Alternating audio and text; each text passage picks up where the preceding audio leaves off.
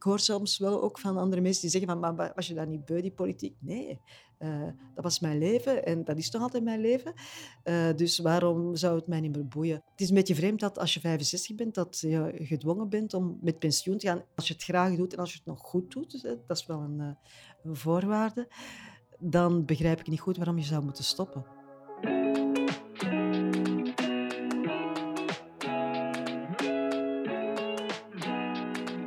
Dit is Wat je nog niet wist over. Een podcast van Leef, het gezondheidsmagazine van CM. Over onze gezondheid in de breedste zin van het woord. Gezondheid houdt ons allemaal bezig. Maar soms lijkt het alsof je er helemaal alleen voor staat. Voor de zorg voor iemand anders, maar ook die voor jezelf. En dat willen we bespreekbaar maken. Ik ben Stefanie, ik werk bij CM en ik praat met bekende Vlamingen over de uitdagingen op hun pad en hoe zij proberen om gezond te blijven. In deze aflevering wat je nog niet wist over Linda de Win. Dag Linda. Goedemiddag. De meeste mensen kennen jou vooral van het uh, actualiteitsprogramma Villa Politica. En je was ook ooit de winnaar van de slimste mens ter wereld. In 2010 was dat. Hoe gaat het met jou vandaag? Uh, redelijk oké. Okay. Uh, zonnige dag, dus uh, het kan slechter, denk ja, ik. Ja, dat is waar. Na een carrière van meer dan 30 jaar bij de Nationale Omroep had je in juli vorig jaar je laatste werkdag. Um, herinner je je nog met welk gevoel dat je die ochtend bent opgestaan? Oh, ik denk dat ik er eigenlijk niet over nagedacht heb dat het de laatste dag was. het was aan de ene kant een werkdag als een andere, maar toch ook weer niet, want het was een zondag. En um, we gingen naar de 11 juli-viering van het Vlaams parlement, die niet zoals gewoonlijk op het Brussel Stadhuis plaats had, maar mm -hmm. wel in een grote tent in Meissen, ja. omdat, dat, omdat dat uh, coronaproof was. Uh, en uh, dat, dat, was de eerste keer, dus je bent dan meer bezig met ja, hoe gaat dat verlopen, hoe, hoe, gaat die zitting eruit zien. Omdat je weet, het is anders dan anders. Dus je bent daarop gefocust. En ook waar ga ik staan, waar mag de cameraploeg staan. Als het op het Brussel Stadhuis is, dan weet ik van uh, buiten eigenlijk hoe het allemaal gaat verlopen. Maar nu wisten we dat niet. Dus eigenlijk was dat misschien niet slecht dat, uh, dat ik daar meer mee bezig was dan met het feit dat het de laatste dag was. Ja, goede afleiding. Uh, weet je nog um, wat je laatste woorden waren of, of wat de sfeer was zo op het ik, einde van de werkdag? Ja, ik denk dat mijn laatste woorden waren: ik kom terug, denk ik. Ja. Maar dat was omdat. Um, dus op het einde van de zitting van het Vlaams parlement, dan uh, riep de voorzitter, Lisbeth Homans, mij vooraan. Mm -hmm. Gelukkig had iemand mij verteld dat dat ging gebeuren, maar een kwartiertje daarvoor hoor. Want anders denk ik dat ik helemaal uh, overweldigd was geweest. Dus nu wist ik al dat het eraan zat te komen, dus ik kon mij een beetje voorbereiden. En uh, zij heeft dan een woordje gesproken. Ik kreeg bloemen en een mooie sjaal. En ik moest dan natuurlijk een dankwoordje zeggen. Ja, dat was ja. even moeilijk en ik kon eigenlijk niet anders bedenken dan als ik dan al die mensen zag en ik zag onze premier op de eerste rij zitten en ik dacht, goh, uh, maar ik dat kan toch niet dat ik die nooit meer ga zien, hoor, bij wijze van spreken. En toen heb ik gezegd, ik kom terug. Ja, kan... Zonder er eigenlijk bij na te denken. En was het emotioneel? Ik kan me wel voorstellen dat Ja, het was emotioneel. Ja. Ja, ja, ja. Maar eigenlijk... Um, het meest emotioneel was eigenlijk al een week voordien gebeurd. Dat was mijn laatste werkdag in de Kamer. En dan kwam iedereen met bloemen aandraven. Uh, ik denk dat ik toen tien ruikers bloemen heb gekregen. Ik wist, ik wist eigenlijk niet hoe ik ze allemaal naar huis moest krijgen. Um, en toen heb ik wel uh, een traantje gelaten. Het waren er een paar speeches en zo. Dus ik had het ergste op dat, op dat vlak was eigenlijk al voorbij, ja. gelukkig. En mocht het dan aan jou hebben gelegen, hoe lang zou je zijn willen blijven doorgaan? Ik heb er eigenlijk nooit over nagedacht. Ik denk, uh, zolang ik het graag zou gedaan hebben, Oeh, dat klinkt zo in het verleden. Uh, en ik deed het nog heel graag. En, uh, we kwamen ook uit een periode waarin het eigenlijk niet zo interessant was. Het was anderhalf jaar lang niks anders dan corona. En net toen ik ja, de deur achter mij moest toetrekken, dan werd het net interessanter. het dossier van de kernenergie, de gascentrales. Spanningen binnen die Vivaldi-coalitie. Dus begon net spannend te worden. En ja, en dan kriebelt het wel natuurlijk. Ja, ja, ja dat snap ik. En je zei het al, ik moest de deur achter mij toetrekken. Mm -hmm. uh, begreep je dat? Uh, ja, omdat voor iedereen hetzelfde is. Mm -hmm. uh, Martin Tange is een uh, jaar voor mij gegaan. Die had eigenlijk ook nog veel goesting om door te gaan, maar ze mocht niet. Michel Wuits is na mij gegaan, nog maar pas. Die wou ook eigenlijk nog doorgaan. bedoel, die klonk ook nog zo fris. Ehm, maar ja, 65 is 65, dat is het nieuwe devies op de VRT. Um, die periode die dan aanbrak, um, herinner je dat dat er echt iets was? Wat schrikte jou daaraan af? Kan je dat benoemen? Ik ben met pensioen gegaan op 11 juli en daarna was het eigenlijk uh, ja, vakantie, juli, augustus. Mm -hmm. En dat zijn ook uh, maanden waarin de politiek eigenlijk stil ligt. Er ja. is geen parlement. Dus dat hielp natuurlijk. Hè. Er gebeurde heel weinig. En ik had ook eigenlijk een beetje persoonlijke bezonjes. Uh, dat was eigenlijk in mei al duidelijk dat ik last had van mijn ogen. Ik zag niet meer zo goed. En dat is dan in de stroomversnelling gekomen. Uh, ik heb een uh, cataractoperatie moeten laten doen, wat normaal nu een vrij eenvoudige operatie is, maar dan bleek er nog een onderliggend probleem, een netvliesprobleem. Uh, dat is een tijdje beter gegaan, maar nu, ik merk dat ik eigenlijk terug slechter begin te zien. Dus dat slorpt natuurlijk ook wel een, deel van, de ja, van, van je aandacht en, uh, op. Hè. Naar dokters lopen, naar ziekenhuizen lopen. En, uh, dus dat heeft mij ook wel bezig gehouden. Dat houdt me nog altijd bezig. Um, dan was er ook corona. Er mm-hmm. gebeurde heel weinig. net uh, in september, oktober trok het terug een beetje aan. En je werd gevraagd voor lezingen en debatten en zo. En dan viel het weer helemaal stil. En ik heb de indruk dat nu terug het een beetje aan het... dat, dat, dat er terug weer aanbiedingen zijn. Maar langs de ene kant maakt dat het gemakkelijker, omdat het, het is niet alleen voor mij het geval mm -hmm. dat, het, dat het niet druk is yeah. geweest, ook voor andere mensen. Uh, maar ik hoop wel dat er uh, nu toch weer meer komt aanwaaien eigenlijk. Ja, ja. Uh, Linda, we vragen ook telkens aan een luisteraar hoe die omgaat met een gelijkaardige situatie. Dit keer is dat Stefan. Mm -hmm. En hij mhm. heeft het over je afgeschreven voelen. Oké. Okay.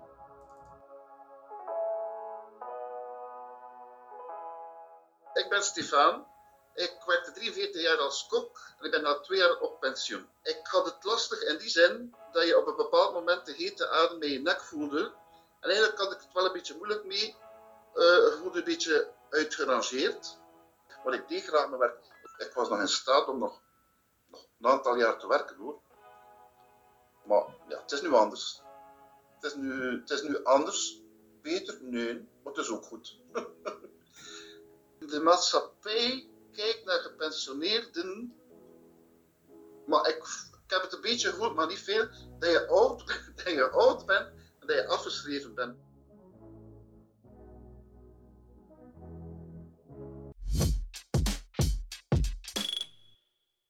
De maatschappij kijkt naar gepensioneerden alsof je oud en afgeschreven bent.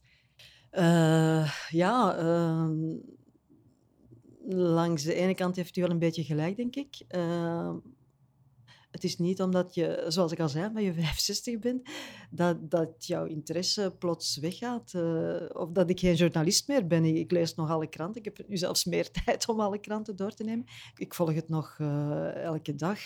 Uh, ja, ik zou ook niet weten waarom waarom ik het niet uh, zou volgen, want uh, ik heb mijn job altijd graag gedaan. Het interesseerde mij ook. Dus waarom zou ik stoppen met dat te volgen? Ik, hoor soms wel ook van andere mensen die zeggen van, maar was je daar niet beu, die politiek? Nee, uh, dat was mijn leven en dat is toch altijd mijn leven. dus waarom zou het mij niet meer boeien? Het is een beetje vreemd dat als je 65 bent, dat je gedwongen bent om met pensioen te gaan. Ik besef wel dat voor sommige beroepen dat uh, zelfs 65 niet haalbaar is. Mm -hmm. Verpleegsters, uh, zware arbeid en zo. Dus daar kan ik helemaal in komen. Maar als je het graag doet en als je het nog goed doet, dat is wel een, uh, een voorwaarde, dan begrijp ik niet goed waarom je zou moeten stoppen. En vooral niet omdat er tekort is op de arbeidsmarkt. Dus ja, de mensen die het graag doen, laat die toch in godsnaam langer werken. Ze hebben ook zoveel ervaring, dus het moet toch te regelen zijn, denk ik. En daarom misschien in fulltime, een paar dagen per week als ze dat willen. Ja, waarom niet? Uh, ik had ook gelezen trouwens dat je het woord pensioen niet graag hoort. Klopt dat? Uh, ja, dat klopt. Ja. Je telt plots niet meer mee. Mm -hmm. Je komt niet meer op televisie en dan denken ze van, ah ja, wat doet hij nu? Die zit in haar tuin en nu het goede weer is, van het zonnetje genieten. Uh, of dan uh, zijn er mensen die vragen, maar nu kun, je, nu kun je eindelijk eens genieten. Dan denk je van, oh, wat een vreemd concept is dat. Precies of dat genieten terwijl je werkt, of dat dat niet kan. Ja. Dat is eigenlijk heel erg, hè, want dat betekent dat je de hele tijd tegen je zin zou gewerkt hebben. Stefan zegt het is nu anders, niet beter, maar ook goed. Is dat herkenbaar voor jou? Uh, ik, ja, ik ben mijn weg nog een beetje aan het zoeken. Mhm. En uh, ik, zoals ik al zei, ik ben een beetje te veel in beslag genomen door, uh, door die ja, gezondheidsperikelen. Ik kan misschien een oproep doen aan mensen die nu aan het luisteren zijn. Als iemand een goede netvlies-specialist kent, je mag het gerust laten weten, want daar ben ik eigenlijk op dit moment naar op zoek. mee op de sukkel. Ja heeft het ook een, ja, het kan een impact hebben ook op wat dat je nog zou willen doen, dan misschien professioneel baart dat jou zorgen. Ja, want mijn mobiliteit is nu toch wel een stukje kleiner. Uh, zelf rijden naar uh, een plek die, die ver is of die ik niet ken, uh, en zeker in het donker, daar waag ik me op dit moment toch eh, niet aan. Dus mm -hmm. Mobiliteit is inderdaad ietsje beperkter.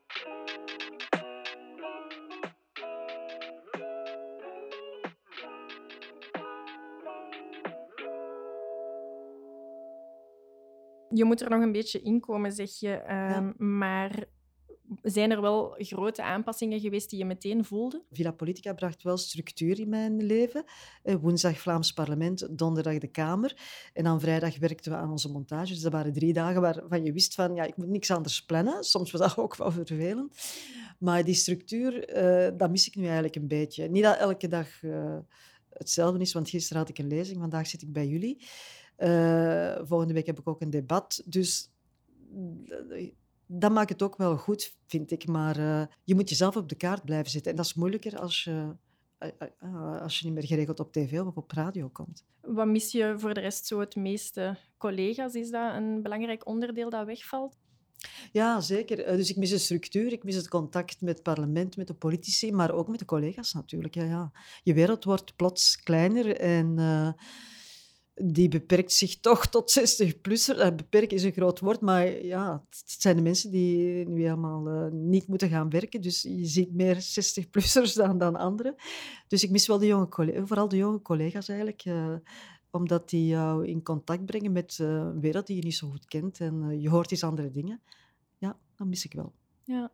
Welk gevoel gaf je werk je dat niks anders je kan of kon geven? Uh, het gevoel dat als er iets spannend was, dat je dan op de eerste rij soms stond en dat je erbij was en de, dat je dat ook mee, uh, mee kon vertalen naar een groter publiek. Dat je daar eigenlijk ook een, een rol, soms, meestal een kleine rol in speelde, maar dat je, dat je er toch bij was. Dat je, ja, dat je daar een factor van was. En dat geeft een ongelooflijke adrenaline. Als dan die uitzending gedaan is, dan heb je zoiets van... Oh, ik heb ook dat interview gedaan en dat heeft hij gezegd. En dat gaat dan dagen mee en dat staat ook in de kranten en dat haalt het journaal. En dat geeft een ongelooflijk gevoel, moet ik zeggen.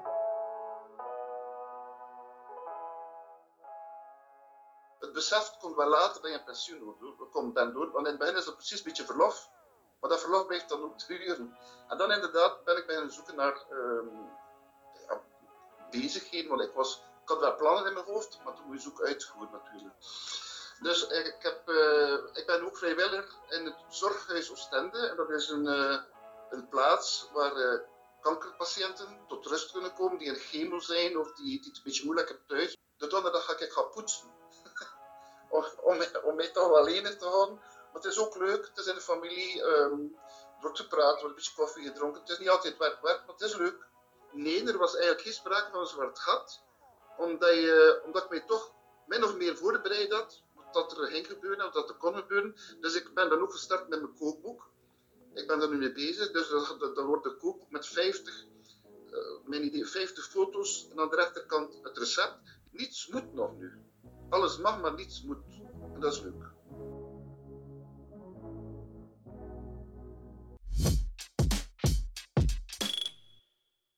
Ja, je hebt altijd gezegd dat je graag intellectueel aan de slag wilde blijven. Je had het Mhm. al over een lezing, over een debat, uh, maar ook over de moeilijkheid om ja, nog gehoord te worden. Hè. Je stem luid genoeg klinkt als je niet meer dagelijks op tv komt. Lukt het dan om, om, om dat te onderhouden? Ik had van de ene kant toch gedacht dat het makkelijker zou zijn. En ik denk dat corona daar een rol in speelt, omdat uh, uh, veel organisaties niks durven plannen, omdat ze niet weten van ja, hoe, gaat het, hoe gaat het weer uitdraaien. Je moet eigenlijk zelf actief op zoek gaan. En dat had ik een beetje onderschat, denk ik. Ik heb ook in het begin een aantal zaken afgewezen. Ze hadden mij gevraagd om een column voor een krant te schrijven. Uh, dat was meteen of nog e, net voor mijn pensioen. En toen heb ik gedacht van nee, dat ga ik voorlopig niet doen. Daar heb ik nu een beetje spijt van. Omdat ik dacht van ja, nee, dat, je hangt daaraan vast. Je hebt een deadline. Uh, ik, wil nu, ik wil niet meer zo van die dwingende deadlines hebben. Maar achteraf, ja, met corona was dat perfect te doen geweest. Daar heb ik nu wel een beetje spijt van. Stefan had het ook over um, nieuwe dingen die hij ontdekt heeft, of herontdekt misschien, plannen die hij lang had, maar niet in uitvoer heeft kunnen brengen. Is dat voor jou ook zo? Nee, uh, de dingen die ik graag doe, die deed ik eigenlijk ook al toen ik nog volop aan het werk was. Ik had er misschien wat minder tijd voor. En nu, uh, maar ik zeg het ook, met die corona is het eigenlijk allemaal anders. Hè. Ik ga een voorbeeldje geven. Uh, in de week zou ik, als ik aan het werk was, misschien niet gezegd hebben van ik ga eens naar de film. Uh, oh nee, want de dag daarna is de villa. En als dat een beetje uitloopt, je gaat nog iets drinken. Dat kan ik nu natuurlijk wel makkelijker doen. Mm -hmm. uh, spijt genoeg eh, konden we maanden niet naar de film gaan. Nee, maar dat is een voorbeeld. Dus daar is nu veel ruimte voor. Of je gaat eens in de week naar een uh, naar theater in plaats van in het weekend. Wat ik wel, het enige nieuwe, eigenlijk echt nieuwe dat ik, heb, dat ik nu nog aan het doen ben, dat is een cursus volgen. Maar dat wou ik eigenlijk ook wel al een aantal jaren geleden doen. Maar ja, dan is er eigenlijk nooit van gekomen en nu wel. Dat is een cursus en die heet uh, Handige Henrietta. Mhm. En dat is om zelf thuis uh, klusjes te kunnen opgaven. Dus dat ben ik nu aan het volgen. Ja, leuk. Als je een dag in het leven van uh, Linda de Win vandaag zou omschrijven, dan mag van s morgens tot s avonds, hoe zou die eruit zien? Niet te vroeg opstaan. Ik ben geen ochtendmens nooit geweest. Tijd nemen voor, om te ontbijten, daarna uitgebreid de krant lezen. misschien wat boodschappen gaan doen. niet elke dag uiteraard. En dan is het al tijd om smiddags opnieuw te lunchen, denk ik. Uh, s als het goed weer is, misschien een terrasje doen met vrienden of vriendinnen. Um, je tijd nemen, misschien eens een, een, boek beginnen lezen als het mooi weer is in de tuin. En dan s'avonds gaan sporten. Ik las in een interview dat je um, gezegd had dat tijdens corona, of dat je beseft hebt tijdens corona, dat jouw job wel een heel groot deel van je leven uitmaakte. Mm -hmm. Een te groot deel als je daar achteraf op terugblikt? Ja, ik heb geen partner, eh, ik heb geen kinderen, dus in die zin kon ik mij natuurlijk focussen op mijn job. Hè. En ik denk als je ergens als je iets wil bereiken, als je ergens iets wil bereiken, dan moet je veel, ja, veel tijd steken in je job. Uh, komt er nog bij dat uh, als je politiek journalist bent, dan moet je de politiek volgen. Politiek stopt nooit. Dat is van s ochtends tot s avonds. Dus, uh, maar dat is nooit geen verplichting. Voor. Ik heb dat nooit aangevoeld als een verplichting. Ik deed dat graag, ook, ook op vakantie. Uh, checkte ik elke dag wel een paar keer of er nieuws was, of er iets in de kranten stond. Je zei ook al, ja, ik, heb geen, ik heb geen partner, ik heb geen kinderen. Vaak zijn dat factoren die je af en toe doorheen je leven is doen stilstaan bij uh, de prioriteiten die je wilt leggen of de balans die je opmaakt uh, van je leven. Um, heb jij dat ook op bepaalde momenten gehad, dat je echt stilstond van die keuzes ga ik nu maken en ik ga die tijdsinvestering in mijn werk steken, die tijdsinvestering in privé? Ik heb er eigenlijk nooit zo over nagedacht, moet ik zeggen. Uh, het leven is gegaan zoals het gegaan is en... Misschien is het omdat je zo opgeslorpt wordt door dat werk, dat je dan minder tijd maakt voor andere dingen. Nee, ik, heb er eigenlijk nooit bij stilgestaan. Uh, ik, ik, ik, heb ook geen spijt van hoe het gegaan is eigenlijk. Uh, ik moet ook zeggen, wij zijn, ik heb twee zussen en zowel mijn vader als mijn moeder, die werkten toen ik uh, jong was. Ze, allebei hadden ze een onderwijzersdiploma. Mm -hmm. Mijn moeder is in het onderwijs terechtgekomen. En mijn vader niet, die werkte bij de spoorwegen in Brussel. En mijn moeder heeft altijd gezegd, dus zij werkten allebei. En daarna heb ik, eh, heb ik ook eh, geconstateerd dat dat voor mijn generatie eigenlijk heel uitzonderlijk was. Dat veel collega's, dat de moeder daar uh, huisvrouw was. Dus ik, heb eigenlijk dus nooit anders geweten dan dat zij werkte. En de boodschap van mijn moeder was altijd van, je moet zien dat je, een, dat je financieel onafhankelijk bent, dat je een goede job hebt en dat je, dat je eigenlijk van niemand afhankelijk bent, dat je niet uit de hand van iemand moet eten. Dat is eigenlijk een goede les geweest. En misschien heeft ons dat, mijn beide zussen, ook en mezelf, wel onbewust beïnvloed in de weg die we gekozen hebben. Dat kan zijn. Zijn er dingen die je uh, anders zou willen doen als je nu terug kon gaan? Ja, ik denk het wel. Um, ik denk dat ik uh, soms uh, veel te veel op korte termijn heb gedacht. In die zin van, ehm, ja, zoals ik al zei, niet, el niet, elke dag is even boeiend mm -hmm. hè, op het werk. Uh, ik heb lang bij het tv-journaal gewerkt. Ik heb daar dikwijls opdrachten moeten doen die ik helemaal niet fijn vond. En ik liet dat dan ook blijken. En dan had je zo van die eindredacteurs, niet allemaal uiteraard, maar die er aan plezier in hadden om jou een opdracht te geven waarvan ze wisten van oh, dat, gaan ze, dat gaan ze niet leuk vinden. Terwijl er andere opdrachten waren die mij meer lagen. En ik liet dat dan ook wel blijken.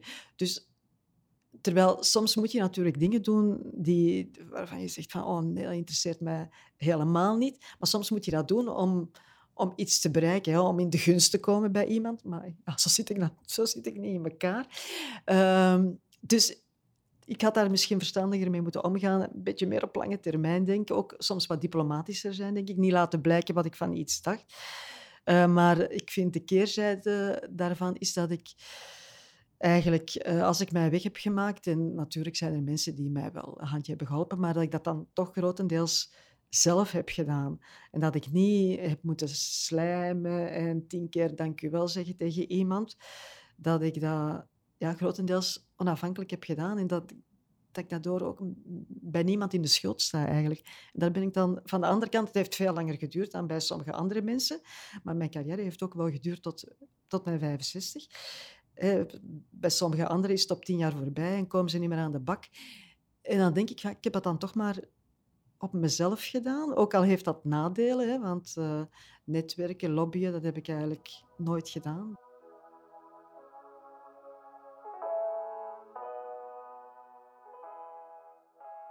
Wat ik nu het meest mis, uh, sinds ik op pensioen ben dus, dat is toch wel die collega's.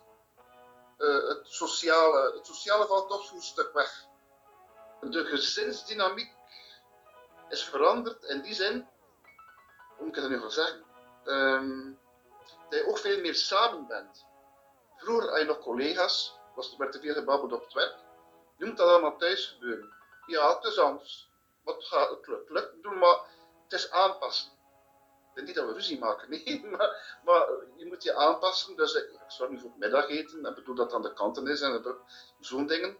Maar ik wil er ook geen slaaf van worden. Ik wil nog ook mijn vrije tijd. Ik heb hier nog redelijk veel uh, buren en vrienden. Dan ga ik wel met de fiets. Like gisteren voormiddag ga ik met de fiets. Wel, bedoel, dan ben ik weg voor een uur of drie. Ga ik een beetje babbeltje aan slaan met de een of de ander. Ik heb natuurlijk meer tijd voor kinderen en kleinkinderen nu.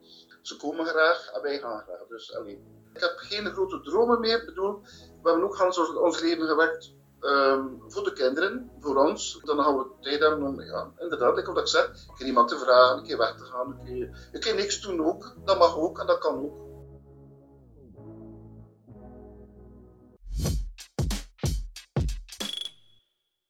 Ja, Stefan heeft het over het, um, ja, de collega's die wegvallen, het gebrek aan uh, sociaal contact, dat hij dan weer opvangt met uh, zijn kleinkinderen meer zien of tijd met de, met de familie uh, doorbrengen. Hij sprak ook over werken voor de kinderen. Um, ja, hoe, hoe, ligt dat bij jou? ja, ik moet natuurlijk niet werken voor de kinderen.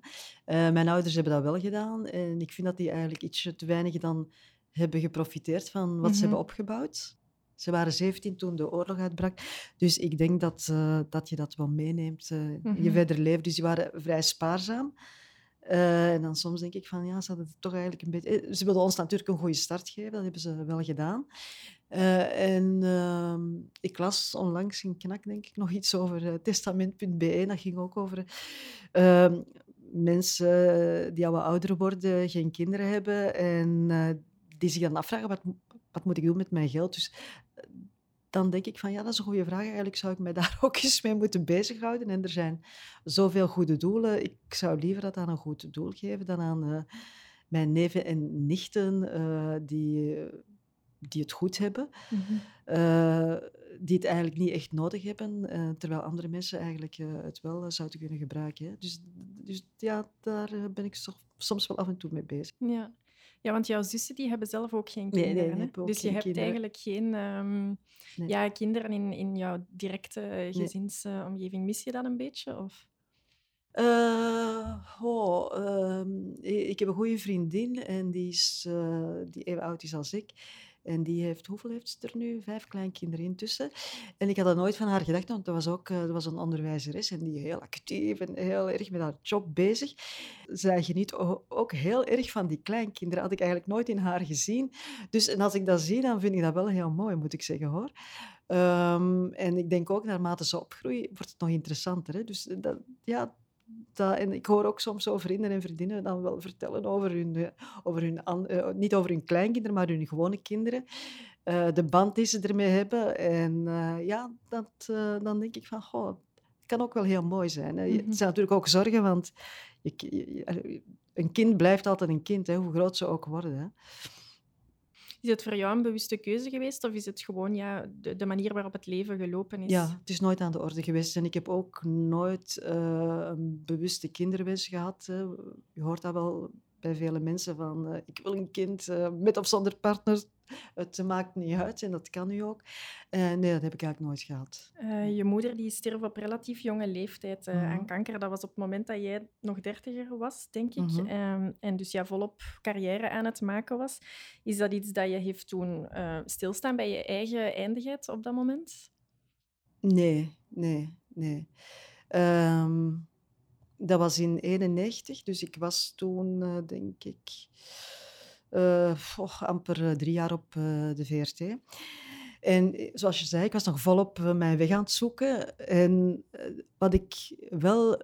Dus we zagen het ook al aankomen, want mm -hmm. eigenlijk vijf jaar voordien was al de diagnose gesteld. En toen was ook gezegd van, oh, als ze nog een half jaar leeft, dan, dan, dan hebben jullie geluk. En eigenlijk heeft ze gelukkig uh, nog uh, langer kunnen uh, leven.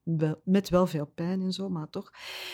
maar hetgeen dat ik daar wel aan gemist heb... Dus ik, ja, ik heb dat ook nooit zien aankomen, natuurlijk. Maar als, je denkt daar ook niet over na, hè, tot je ermee geconfronteerd wordt. maar zij was eigenlijk mijn grootste supporter.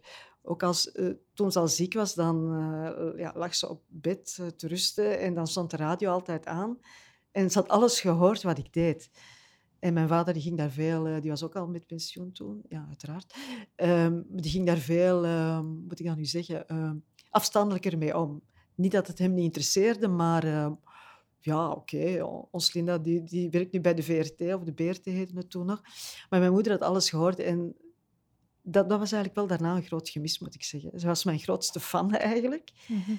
En uh, dat is toch eigenlijk wel... Mijn vader vond dat ook wel geweldig. Maar hij, hij, hij, hij, liet dat zo niet blijken. En dat heb ik toen wel, uh, ja, ja, dat heb ik toen wel gemerkt. Uh, toen ze er niet meer was, dat dat ook wel een hele steun betekende. En ja. die was er dan eigenlijk niet meer.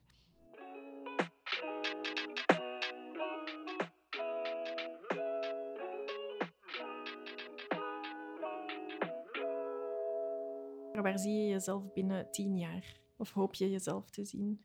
Binnen tien jaar. Dus dan ben ik 75. Een vrouwelijke zin in uh, Van Kouwlaard of zo.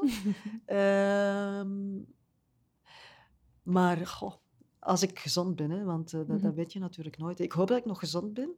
En ik hoop dat ik nog even gepassioneerd ben door de dingen die ik doe en nog even nieuwsgierig ben. Um, maar ik denk dat wel hoor. Dat heb ik ook een beetje van mijn moeder. Die was ook in alles geïnteresseerd. Uh, en ik hoop dat ik nog, ja, dat ik nog mentaal goed ben en uh, dat ik nog de dingen kan doen die ik leuk vind. Ja, ik hoop het ook echt uh, voor jou. Um, ga je vandaag, uh, we zijn nu rond de middag, hè, ons gesprek is een beetje op de middag. Ga je vandaag nog iets doen na onze babbel? ik ga eindelijk dat terrasje doen, denk ik, want het is mooi weer. En ik ga vanavond sporten. Dat staat op het programma. Ja, leuke plannen. Dit was Wat je nog niet wist over. Een podcast van Leef, het gezondheidsmagazine van CM. Ik ga er eentje op klinken. Okay. Dankjewel om uh, je verhaal met ons te delen, Linda. Graag gedaan. Ken je iemand voor wie dit verhaal een duw in de rug of een klop op de schouder kan zijn? Stuur deze aflevering gerust door. De verhalen die je hier hoort zijn persoonlijke getuigenissen. Heb je zelf vragen over je gezondheid? Neem dan contact op met je huisarts.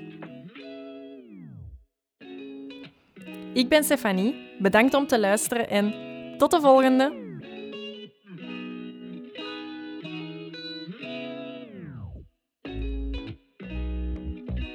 Een productie van CM.